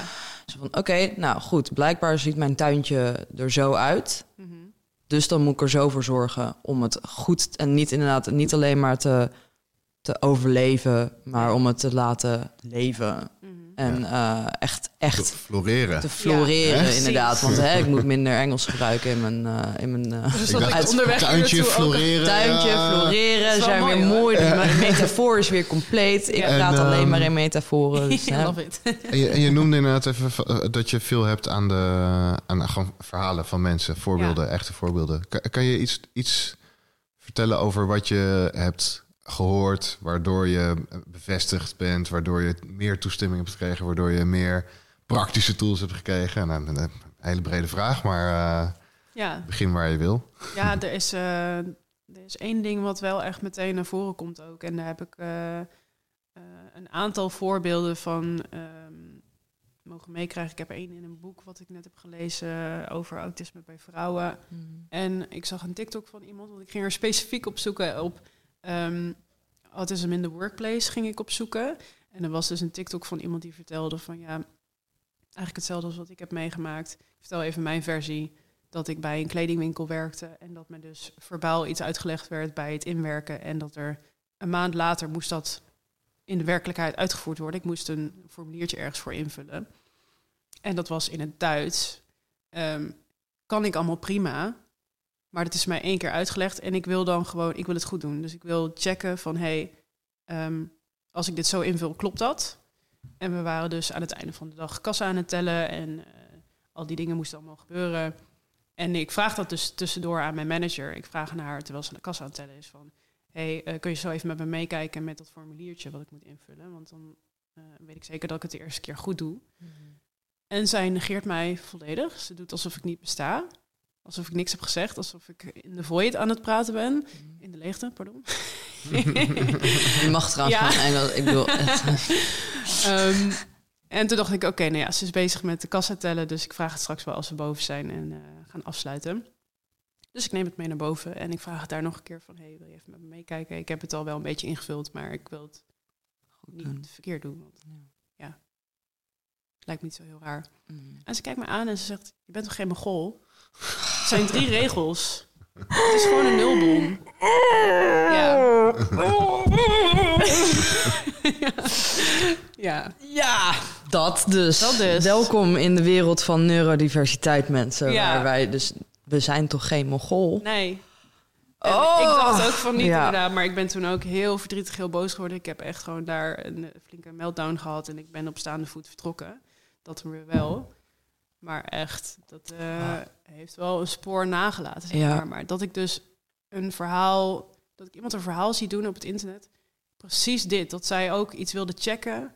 Wat ze één keer had uitgelegd gekregen en wat ze gewoon goed wilde doen. Mm terwijl je ook wordt verteld bij het inwerk van hé, hey, er is geen vraag te veel. Ja. Um, stel alle vragen die je wil, uh, al zijn het er honderd. Ja. Ik heb liever dat je het vraagt dat je het verkeerd doet. Ja. En dan doe je dat. En dan wordt het. Want je neemt dat letterlijk. Mm en dan wordt dat tegen je gezegd. Ja, en dat is dan on top of dus een complete childhood en early, early adulthood aan geïnternaliseerde schaamte. Ik doe het verkeerd, ik ben verkeerd. Ja. En dan komt dus zo'n, je bent toch geen mogol ding. Zo, ja, dat is echt, ik voel hem zo erg. Ja, en de, het ironische daaraan is dat ik daar dus nu aan terugdenk en dat ik denk, um, of course, it's a slur. Mm. Dat moet je echt niet zeggen, zoiets tegen wie dan ook. Ja, dat is maar ik snap het ergens ook, want mijn brein werkt zo anders dan die van jou. Ja. Mhm. Dat je inderdaad denkt van, hoe kan je zo in elkaar zitten? Hoezo snap jij dit niet? Ja. Maar... En, en wacht, dat is een beetje oké, nee. Nee, nee, nee, dat, nee, dat niet. Maar wat doet dat met jou door er zo naar te kijken? Um, ja, geeft rust. Ja. Ik snap waarom je mij niet snapt. Ja. En waarom dat zo'n frictie veroorzaakt op dat moment. Ja. Dat kan ik nu veel meer loslaten. Dat ik nu denk van ja, dat kan waarschijnlijk vet raar over op haar. Bovenop alle andere dingen die raar overkwamen tot dan toe. Ja. Als je al een maand ergens werkt, nou ja, dan uh, komen er wel een aantal dingen. Ze heeft ook nog een paar andere dingen gedaan. Uh, dat ze iets uh, sarcastisch bedoelde. En dat ik daarin ben getuind. En dat was ook vet raar. Ze, ze pestte mij eigenlijk gewoon, net zoals oh, toen op school. Maar ik ben daar ook gewoon heel makkelijk doelwit in, blijkbaar. want ik, ik neem al het, alles letterlijk, wat je zegt. Ja, gewoon alles on face value. Ja. Gewoon. En als, als inderdaad iemand iets tegen je zegt, dan ga je er gewoon vanuit dat they are telling you the truth. Mhm. En dat kan inderdaad heel gevaarlijk zijn. Ja, ook bijvoorbeeld een keer. Uh, ik besef nu dat ik waarschijnlijk dus aan het processen of um, aan het uh, even, even een break aan het nemen was, waar, zo, wanneer dat kon. Je staat in een kledingwinkel, dat ja, is de hele is tijd aan. Te doen. Ja. Maar het was maandagochtend en uh, blijkbaar leunde ik dus op de counter dat mag echt niet natuurlijk. Dan ben je mm. echt uh, niks aan het doen. Dus zij belt naar beneden, die manager. En uh, zij uh, zegt tegen mij van... zullen we straks anders even thee drinken? Mm. Ja, jij gaat nu oh. al, want je, ik heb natuurlijk al een beetje verklapt mm. dat het een ding is. Um, ik zeg, ja, is goed, het is rustig in de winkel. Dus uh, ze zegt, oké, kom je straks zo, zo, even ophalen dan boven? Dan ga ik even thee zetten. Mm. Dus ik kom boven. En ze zegt, wat denk je nou? Weet je wel? Mhm. We staan hier niet te theeleuten. Uh, jij staat op die counter te leunen. Ja, dan kan ik er net zo goed wel even een bak koffie bij doen. Maar uh, dat is niet de bedoeling natuurlijk. Dan denk ik van ja, zeg dat dan gewoon. Ja, maak er niet zo'n enorme song en dance van. Ja. Zeg gewoon, hey, je staat te leunen, niet doen. Ja. ja. Maar dat was natuurlijk ook al zo vaak gezegd. En ik kan niet echt anders, want ik moet tussendoor gewoon opladen. En ik zie er ook geen nut in om te doen alsof het druk is. En uh, t-shirtjes te gaan opvouwen die al goed liggen, omdat er niemand in de winkel is. Ja, precies. Daar, er komt weer wat effectiviteit. Weet je wat af te vragen gedurende dit gesprek. Uh, wat waren eigenlijk fijne vragen geweest voor jou die Vee en ik hadden kunnen stellen voordat we waren begonnen om jou hier goed op je gemak te laten zitten? Um, die, we misschien hebben. ja. ja. ja. Um, dat is een hele goede vraag. Ik heb daar ook wel over nagedacht en daar denk ik sowieso de laatste tijd wel over na. Van ja, moet ik uh, van sommige dingen vertellen ehm, hoe dat het beste werkt voor mij? Of, um, maar ik denk die vraag al, mhm. dat dat gewoon al heel fijn is. En, ja. um, Sorry dat dit nu pas komt. Nee, dat is helemaal prima. En dat doe ik mijn hele leven al zo. Mijn hele leven is het al zo dat ik uh, ja, ik weet een beetje wat ik kan verwachten in zo'n setting. Dus mhm. dan weet ik ook, ik accommodeer mezelf eigenlijk het meest. Ja. En dat moet je denk ik ook doen, want je kan er niet van uitgaan dat de wereld verandert of dat dit altijd aan je gevraagd wordt. Mhm. Ehm, ja, en het is ook nog heel erg een zoektocht voor mijzelf van hoe kan ik nou ehm, inderdaad het beste om accommodaties vragen ook. Want net het, het verhaal wat ik vertelde in de auto naar de IKEA. Eh, ik mhm. merk pas dat het mis is als het misgaat. Ja. En dat ik inderdaad te weinig uh, ruimte heb genomen voor bepaalde dingen. Mhm. Ehm, en sommige dingen zijn, de meeste dingen zijn onvoorzien nog. Mhm. Dat ik het gewoon pas veel te laat door heb van, oh ja, dat is de opstapeling geweest van al die dingen die vandaag al gebeurd zijn. En vaak kun je dat gewoon niet voor zijn. Ja. Ehm, maar ik denk dat setting zoals dit en ja, gewoon een tijd en plaats. Dat ik, ja, ik ben ook wel gewend van oké, dan ehm, sta ik vroeg op en dan uh, ga ik er ruim op tijd ga ik erheen. Ja. En dan heb ik die stress niet. Dan kan ik eerst even, even aankomen. De mhm. meditatie aan het begin vond ik heel erg fijn. Ja. Um, dat, dat heb ik zelfs nog wel gedacht om dat zelf voor te stellen. Oh ja. dat wel. Ja. Um, want dat is ook iets wat, uh, wat ik heel prettig vind. Um, en dat heb ik vanochtend ook al gedaan. Ja. Dus zo, uh, zo beweeg ik me er wel tussen, ja. tussendoor en uh, bereid ik me wel voor op wat er van me verwacht wordt of hoe zoiets zal gaan. Ja. Hmm. En na de hand die compressen. Ja. Dus dan gaat het meestal goed. Ja. um, hoe ben je nu de afgelopen maanden uh, uit je schulp aan het komen? Wat ben je aan het loslaten? Wat mag er het licht zien? Mm. En wat kom je tegen? Ja, um, aan de ene kant is heel erg de, de dingen die je dan best wel lang hebt onderdrukt, omdat ze raar zijn of niet mogen of weet ik veel wat. En ook de dingen waarvan je dacht van, oh, dat gaat wel. Uh, zo heel raar ben ik niet. Of zo, zo heel needy ben ik niet. Dat je opeens denkt, oh ja, fuck, misschien wel. Ja. um, maar ook inderdaad, en dat is misschien ook nog wel een leuk thema om aan te snijden, topic stims. Mm -hmm. Want jij vroeg ook al van hoe proces jij dingen, moet je daarbij stimmen? Dat vroeg je eigenlijk uh, impliciet. Um, Kun je dat even uitleggen? Ja, stimmen uh, is eigenlijk uh, iets van um, sensuele input voor jezelf creëren uh, om uh, eigenlijk energie te, te, kunnen in banen kunnen leiden voor jezelf. Mm -hmm. Dus ja. dat kan uh, tactiel zijn, dus mm -hmm. aanraking. Dus je kan bijvoorbeeld je vingers tegen elkaar.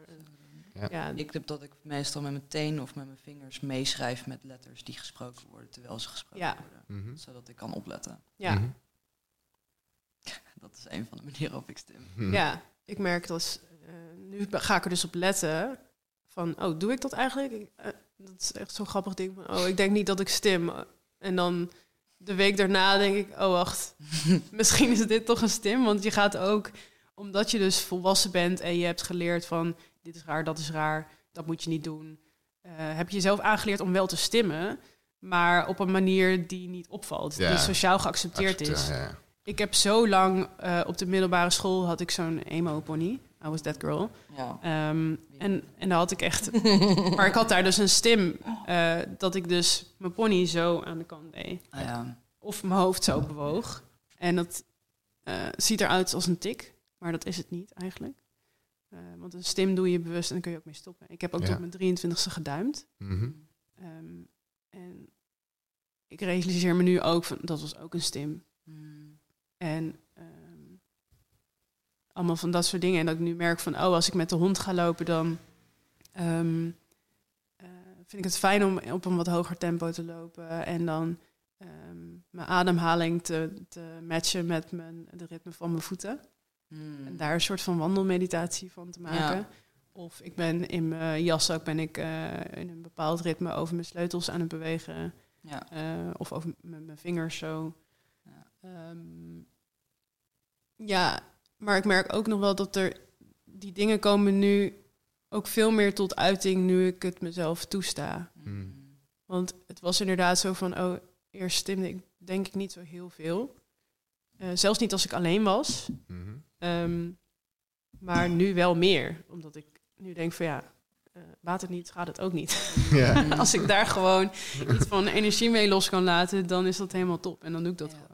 Ja. Dus dan ontstaan er steeds meer. En ook wel uh, geluidjes maken, vocal stims. Uh, er kwam er laatst opeens kwam er, uh, weer een stem naar boven die ik echt al jaren niet gedaan had. En opeens maakte ik dat geluid en toen dacht ik echt van... wow, waar kwam dat opeens vandaan? Maar dat is gewoon omdat je intentie hebt gezet van... het mag. Mhm. En dan komen er ook opeens oude stims komen weer naar voren. En toen dacht ik, wow, oké, misschien ben ik mezelf niet aan het gaslighten. Ja. dat is gewoon wel echt een ding. Ja. Ja. Ja. Ja, ik denk dat jezelf een toestemming geven... Uh, dan komen er inderdaad dingen los. Ja. Ik denk ook, wat je zei, van ja, dan ben je op een gegeven moment ben je bewust van iets... en dan merk je natuurlijk hoe, hoe erg iets is... of hoe erg iets niet is, of mm hoe je ermee bezig bent. Mm Dus dat, uh, ja, ik zit nu zelf ook na te denken hoeveel meer stims ik nog meer heb. Maar inderdaad, vocal stims heb ik ook. Mm -hmm. Ik, zit me af te vragen wat al mijn, uh, of al mijn tics uh, tics zijn of uh, stims. Of ja, iedereen stimt. Ja, iedereen ik zit er, ik zit ja. vol mee. Um, en... Ja. Um, train. Sorry? pen. De pen klikken. Oh ja, oh, ik, uh, ja. ja. we doen het allemaal. het is self-soothing als je stimt. Dus het kan zelfs... ja. Het kan gewoon een, een itch krabben, kan het zijn. Weet je. Ja. Het is gewoon, ja. Okay. Om dan nog heel even... Ik weet niet of jij nu een vraag aan het nee, ga doen bent. Maar ik, uh, het is een onderwerp waar ik eigenlijk wel graag heen zou willen. Ik weet niet of we daar nog genoeg tijd voor hebben. Maar uh, ja, uh, ondertussen zijn we wel een beetje tot de conclusie dat dus um, neurodiversiteit ook echt een niet alleen maar neuro, maar echt ook fysiek is. Dat het ja. gewoon echt, zeg maar, je hele lichaam is engaged. Uh, je staat aan de hele tijd. En een van de dingen die je dus krijgt is dus overstimulatie. Die zich dus dan ook kan uiten als uh, explosie, boosheid wordt dat dan gezien. En um, wat wil ik daar nou over vragen? Nou ja, ja, ten eerste wil ik daar eigenlijk gewoon over gezegd hebben van dat als vrouw zijnde uh, het label boos en agressie, uh, dat dat eigenlijk zeg maar uh, in de in het patriarchal society is dat de enige emotie die mannen mogen hebben en van ja. vrouwen is dat de enige emotie die je niet mag hebben. Nee. En zeg maar het ergste wat, wat je als vrouw kan overkomen is dus dat je als boos gelabeld wordt. Ja. Uh, want dan ben je geen echte vrouw. Vrouwen mm. zijn zacht, gentle, weet ik het allemaal voor bullshit. Een specifiek woord voor, voor de vrouw die boos is. Ja. De bitch. De bitch, ja, ja, precies. Maar niet alleen de bitch, maar het wordt dan ook meteen een soort van monster, zeg maar. Dus het is niet alleen maar dat ze naar is, maar ze is niet meer vrouwen, niet meer menselijk. En ik denk dat dat misschien ook wel echt een onderdeel is wat zo onderge, uh, onderbelicht is van vooral vrouwen die dus uh, neurodivers zijn, mm. dat wij uh, een label krijgen van boosheid of dus een, een, een ja, eigenlijk een soort van dat er een soort twijfel getrokken wordt aan onze vrouwelijkheid. Of zo. Ik weet niet of dat een goede omschrijving ja, is, maar zo voelt dat bijna. Het deel Absoluut. van vrouwelijkheid dat gaat over uh, beperk dus, jezelf. Ja, jezelf. Ja. Afhankelijk. Ja, ja en, uh, en, en dus dat er ja, sowieso dat vrouwen in het algemeen zeg maar niet multidimensionaal mogen zijn. Die mogen niet complexe wezens zijn die ook dit doen en ook dat doen. Dat moet allemaal. En mannen trouwens ook. Ik bedoel, de patriarchy cuts both ways. Sexism Zeker. goes both ways. Bedoel, we're all fucked. Basically. no one is safe. No one is safe. Maar um, ja, en, maar, maar goed, dus eigenlijk dus die uh, boosheid en dat dat dus ons eigenlijk ook niet geleerd wordt hoe we daarmee om kunnen mogen gaan. En ja, ik guess dat mijn vraag dan is, is heb jij daar voor jouzelf nu ook een bepaalde manier of berusting in gevonden van hoe jij met jouw explosies omgaat? Uh, is dat iets waar jij mee bezig bent? Of is dat nog niet iets wat jou... I mean, eh, one, one step at a time. Dus ja. ik weet dat je nog niet heel lang hiermee, hiermee uh, echt op deze manier mee bezig bent. Ja, um, gaat ook denk ik een beetje beide kanten op nog. Aan de ene kant een berusting dat ik uh, inderdaad, als ik zoiets voel, dat ik meteen denk, oh, ik ben waarschijnlijk overprikkeld. Ja. Um, en aan de andere kant ook nog heel veel onvrede daarmee. Hmm. Dat ik denk van ja, maar en dan? Ja, ja. Want uh, dan ben je daar al en dan uh, val je daar ook de mensen in je omgeving mee lastig. En dat mag niet als vrouw. Nee, precies. um, en het komt natuurlijk altijd op een moment dat het niet uitkomt. Ja. En uh, je dat eigenlijk het liefst nog iets langer wil masken, maar dat, dat lukt dan al niet meer. Ja. En dan is het wel heel moeilijk om ja, daar een manier in te vinden om dat dan een beetje goed te kunnen navigeren. Van ja, waar laat je het dan? Mm. En dat is ook nog steeds vaak een aanvaring met mijn partner. Of met mijn moeder. of iemand anders die gewoon heel dichtbij staat. Ja, dat is gewoon de bliksemafleider. En vaak ook je daar de meest emotionele gesprekken mee. Wat natuurlijk ook een, een input is. En je voelt je er emotioneel het meest veilig bij. Ja, dus je masker dropt ook gewoon makkelijker. Ik ben dan sneller uh, kortaf en kribbig. Ja wordt zo gezien. Ja. Ik ervaar dat vaak zelf niet zo. Maar dan komt het er gewoon wat vlugger en wat korter uit. En dat kan dan een reactie bij de ander uh, teweeg brengen natuurlijk. Van, hé, hey, uh, waarom doe je kattig? Ja. En dan denk ik van, oh, oh was kattig? Ja, was ik kattig. Oh, shit. Dat bedoelde ik helemaal niet. Was kattig. En there goes the snowball. Ja. dus shame spiral gaat ja, weer aan. Ja, de shame spiral gaat dan ook aan, inderdaad. Dat is het vooral, denk ik. Ja wil helemaal niet die boze vrouw zijn. Ja, precies. Want dat is de worst thing ja. van de boze vrouw zijn. Ja. En hoe... Ehm, je, je, vertelde eigenlijk net al iets, iets over hoe ga ik dan om met, met prikkels? Hoe ga ik om met belasting? Dus uh, voordat ik hier naartoe ga, ben ik thuis aan het mediteren. Ja. Ga ruim op tijd weg, dan kom ik, voorkom ik de stress. Mm -hmm.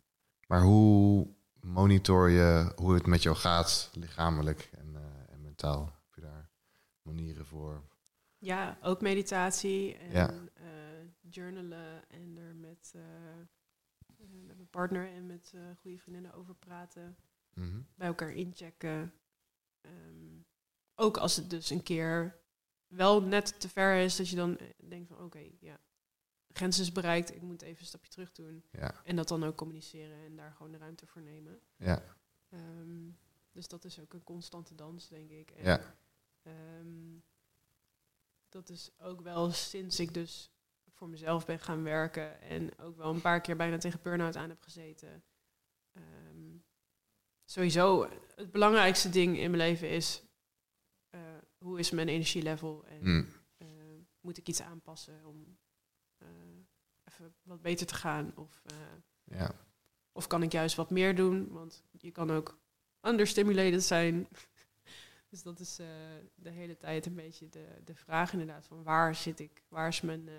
Sweet spot. Mijn sweet spot, inderdaad. En die, die ver, verplaatst zich ook de hele tijd, dus dat is echt heel leuk. Ja. ja, maar je bent je gewoon heel erg bewust van hoe dynamisch het leven eigenlijk is. En dat is ja. dus weer die illusie van routine, de illusie van normaalheid en dat er een soort gemiddelde is. Mm -hmm elke dag is anders. Je hormoonhuishouding is anders. De omstandigheden, like letterlijk het weer is anders. De mensen om je heen zijn anders. De dingen die je moet doen zijn anders. Dus je bent gewoon constant eigenlijk als zo'n soort balanceer. Ja, gewoon.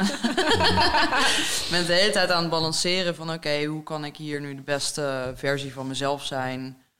Uh, ben ik overgestimuleerd, ondergestimuleerd? Wat doen mijn, wat doen mijn hormonen? Wat doet mm. mijn uh, ja, gewoon van al, er zijn zoveel factoren dat je daarmee bezig bent dat je ja, dat het eigenlijk ook niet raar is als je als je over als je uitgeput raakt daarvan, mm dat je bent gewoon constant ja. bezig. Ja, ja precies. Ja, tenzij te, nou, op, een gegeven moment idealiter heb je dus op een gegeven moment dat je een soort van wel, een, recept, een receptje hebt van ja. oké, als ik in deze soort situaties ben, uh, dan is het prettig als ik. Ja. Dan weet ik dat het prettig is, omdat ik me veilig voel als ik zo en zo in de buurt heb. Of ja. dit uh, tot mijn beschikking heb. Of als de omstandigheden zo zijn. Ja. Als het te warm is. Maar als het mm -hmm. zo, weet ik veel. Like dat soort kleine dingen. Mm -hmm.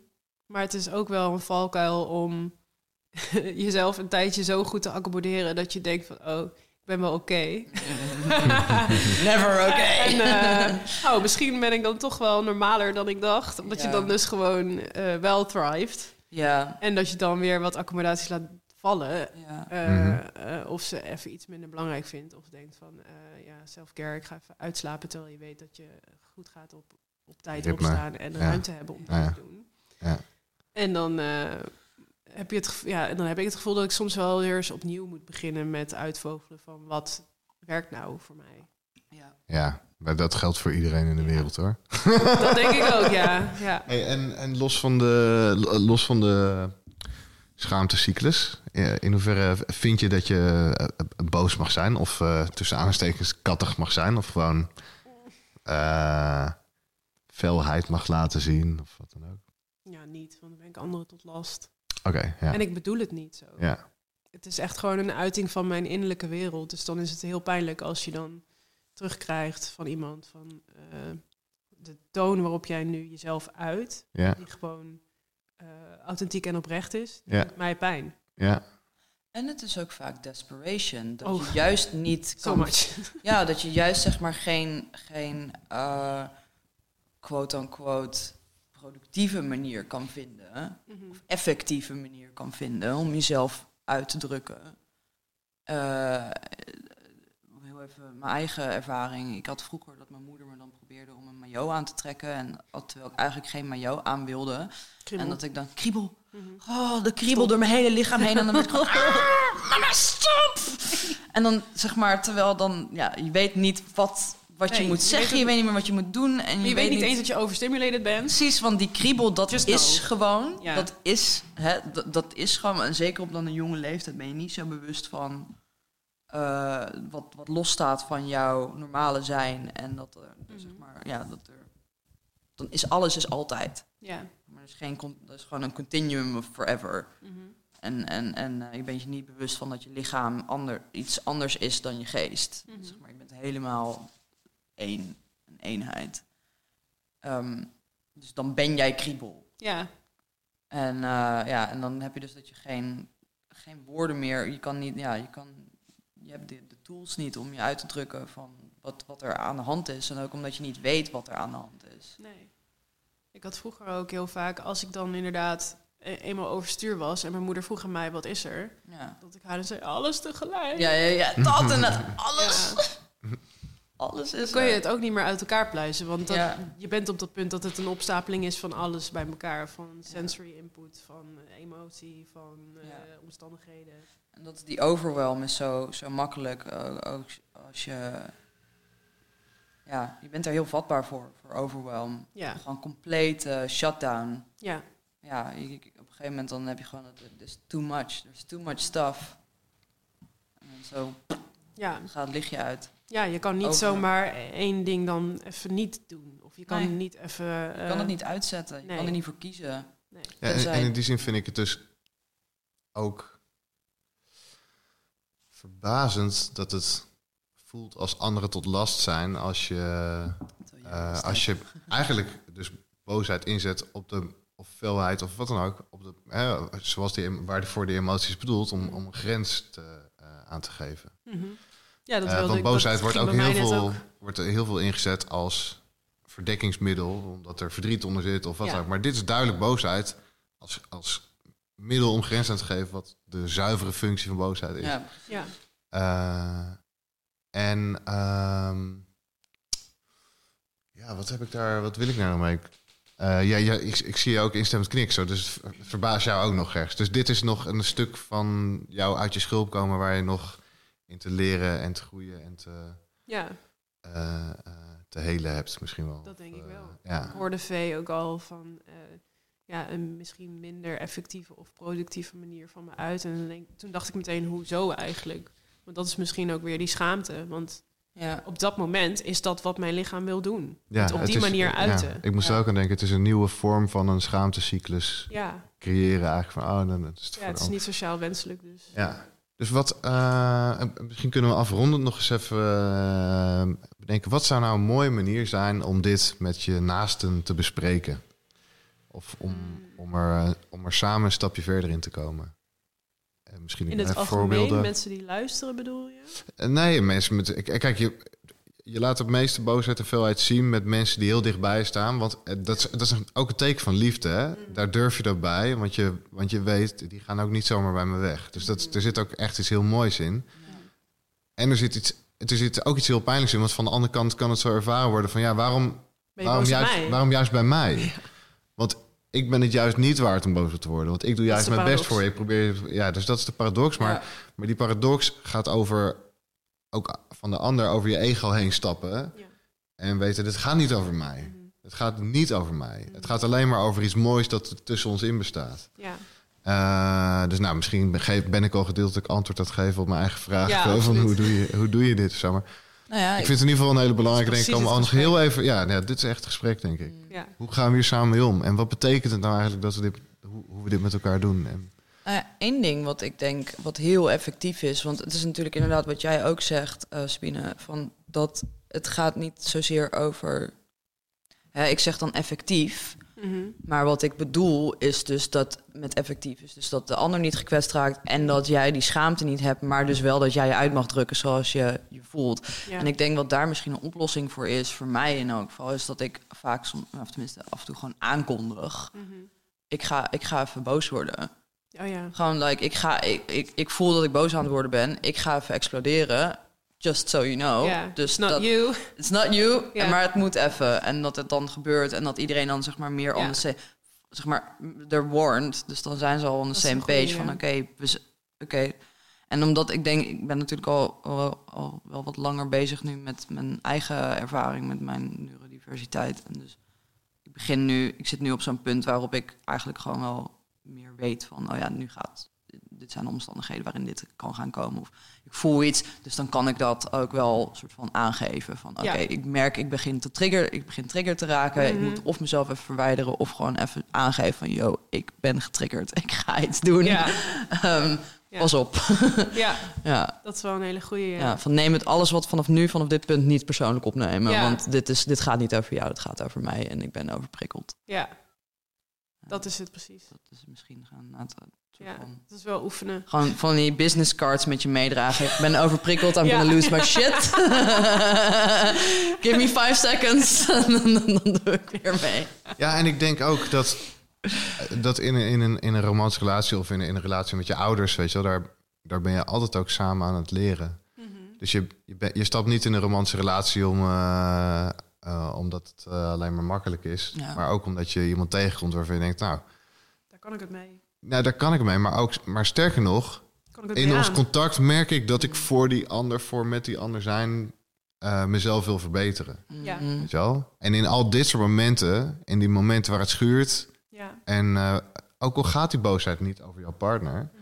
Uh, dus de reactie van de partner daarop gaat weer over jouw partner. Ja, daar hebben we het ook over. Uh, ja, dus, dat, en, en dus, zo, dus zo ben je dan samen aan het leren. En dat, dat is natuurlijk super mooi daaraan. Dus het is mooi na de, de ruimte. Of eigenlijk geef je jezelf ook toestemming door te zeggen: hey, ik ga nu even ja. boos worden. Mm -hmm. maar voor mij zegt dat niet dat de ander dan helemaal niks meer hoeft daarmee. Nee. Want in die interactie is het juist zo waardevol om altijd na te gaan: wat gebeurt er dan bij mij? En, ja. En hoe voelt dat? Ja, en hoe kan ik er dan en voor mezelf zijn en misschien voor jou? Of hoe kan ik daarin mijn grenzen aangeven? Ja, ja. Uh, ja mooi. Dat is heel belangrijk, want het, uh, waarschijnlijk trigger je elkaar op zo'n moment. Ja. Mm. En dan uh, heb je allebei een heftige emotie. En de een misschien omdat de ander een heftige emotie heeft en je wil dat niet voor de ander. Ja, het is nu eenmaal even. Ja, even zo, ja. En dan uh, is het inderdaad de kunst om dan bij je eigen emotie te blijven en niet uh, samen in die spiral te gaan ja. van overwhelm. Ja. ja. Maar ik denk dat een aankondiging, ja. dat oefenen, dat dat wel heel goed Of inderdaad gewoon een teken hebben van... Uh, ja. ja. of inderdaad gewoon zo van dat, dat, dat je gewoon weet wat er gaat gebeuren. Of nou, ja. je weet dat er gaat gebeuren, maar gewoon dat je in ieder geval weet Hand van... sign do. Ja, precies. Joris steekt zijn middelvinger op. ja, nee, maar ja. Hey, en en ja. ja. zo, ook even, uh, nu toch op het thema grenzen. Uh, we zitten, uh, misschien kunnen we op zoek gaan naar hoe vinden we een mooi rond, rond einde aan, aan deze aflevering. Mm. als dat voor jullie ook. Ik heb, ik heb zo'n gevoel, we gaan elkaar, we gaan ons onszelf herhalen nog eens even een mooie vraag erin gooien. Hmm. En uh, heb jij nog iets waarvan je zegt dat daar wil ik echt nog even naartoe? Nou, ik denk dat er wel ja, dat we een redelijk mooie. ja, ik zou dan eerder aan Sabine willen vragen of zij of er nog iets is wat zij graag gezegd wil hebben of ja? wil delen. Ik heb wel een leuk grapje. Ah. Kom maar, kom maar, leuk grapje. Dat ik er heel slecht in ben om dingen af te ronden en te weten wanneer dat hoort. Ja, dat, dat, die, ja, dat is, it's a joke, but it's not funny. Ja, precies. Ja, ja, vind ik wel. Ik vind wel dat daar om gelachen moet worden. Ja, zeker. De afgelopen tijd zeker. ook wel ja. heel veel gehad eigenlijk. Dat elk moment dat ik me dus bewust ben van... oh, dit is zo'n ding van wat mijn brein doet... dat ik er mm. ook wel heel erg om kan lachen van... oh mijn ja. Ja. Zo knullig ook af. Ja. dat, vind ik zo, dat vind ik heel fijn te horen inderdaad. De, de, uh, gewoon humor maakt alles zoveel lichter. Ja. En zeker als je, als je ook over jezelf kan lachen, zeg maar. Hartelijk om jezelf kan lachen. Ja, ja. precies. Hey, en, en, misschien is dit hem al hoor, maar uh, um, is er iets dat je nog uh, al onze uh, eh, 3,5 miljoen luisteraars zou willen meegeven. Opeens plankenkoord. uh, wat ik wil meegeven. Um, ja. Blijf elkaar zien. Mm. Ja. In elk moment. Ja. En uh, zeker als er labels bij gebaat zijn. Uh, elk moment is anders. Uh, elk persoon is anders op elk moment. Mm -hmm. En check met elkaar in. Super. Dankjewel. Dankjewel. Ja, wat ja. Uh, gaan we doen? Wat gaan we doen? Gaan we afronden? Ja, we hebben nog, uh, nog Ik weet niet, ik wil nog de rest van de dag met Spien blijven. ja, ik ook. Stay here. Nou, gaan, jullie, gaan jullie lekker door totdat, je, totdat een van de twee boos wordt? Ja. Ver overprikkeld is. Ik ga schreeuwen, oké? dat dat dan ook gewoon oké is en we daarna gewoon weer doorgaan. Ja, precies. um, voor, de, voor de opname ronden we hem af. Uh, heel erg bedankt uh, dat je er was, Sabine. Superleuk ja. om kennis te maken. Bedankt. Misschien uh, doen we nog even een hapje eten meteen. Wat en Sabine krijgt natuurlijk ook een gouden Een gouden. Oh my god! Wow, wat cool. Oh, dit is ook extra special, want ik heb als gedegen autist heb ik ook wel echt iets met slakken. En ik zet ze altijd aan de kant als ik ze tegenkom op mijn pad. Oh, en echt? een vriendin van mij doet dat ook. En die is ook nu bezig met haar diagnose. Dus mm. is ook iets voor oh, ons. Oh, wat leuk. Oh, Very nice. cute. Extra Dankjewel. symbolisch. Ja, yeah. you're so welcome. Dankjewel dat je er was vandaag. Dat ja, heel fijn. Dankjewel ja. voor de ruimte. Ja. Als jullie uh, thuis denken, ik heb nog een vraag, ik heb nog een opmerking, uh, laat het weten. Uh, ja. Gooi het in, in de Instagram, gooi het op de mail, wat dan ook. we zullen ook linken naar de website Instagram, socials, wat dan ook van, van Sabine. Dan kan je haar daar ook vinden voor mooie foto's of misschien vragen over hoe gaat het in het mm. leven. En als jij. Neuroplastisch brein. Ja, precies. En als jij het gevoel hebt, je hebt deze aflevering geluisterd en je hebt het gevoel van, nou, ik ken misschien wel iemand die hier iets aan heeft. voel je dan vrij om het door te sturen. We willen graag mensen helpen ook met deze gesprekken. Dus uh, ja, ja uh, als er iemand is die het kan gebruiken, stuur het door. En wil jij zelf ook een keertje bij ons te gast komen, dan mag je ons altijd uh, e-mailen, berichten sturen. Zeker. Tamtam, weet ik het allemaal. Tot postduif. Ja. En we zoeken erin naar een zo groot mogelijke diversiteit aan gasten. dus ehm, verras ons met uh, alle hoeken en krochten van, uh, van onze mooie samenleving. Ja, precies. Um, dank jullie wel en heel graag tot de volgende. Doei.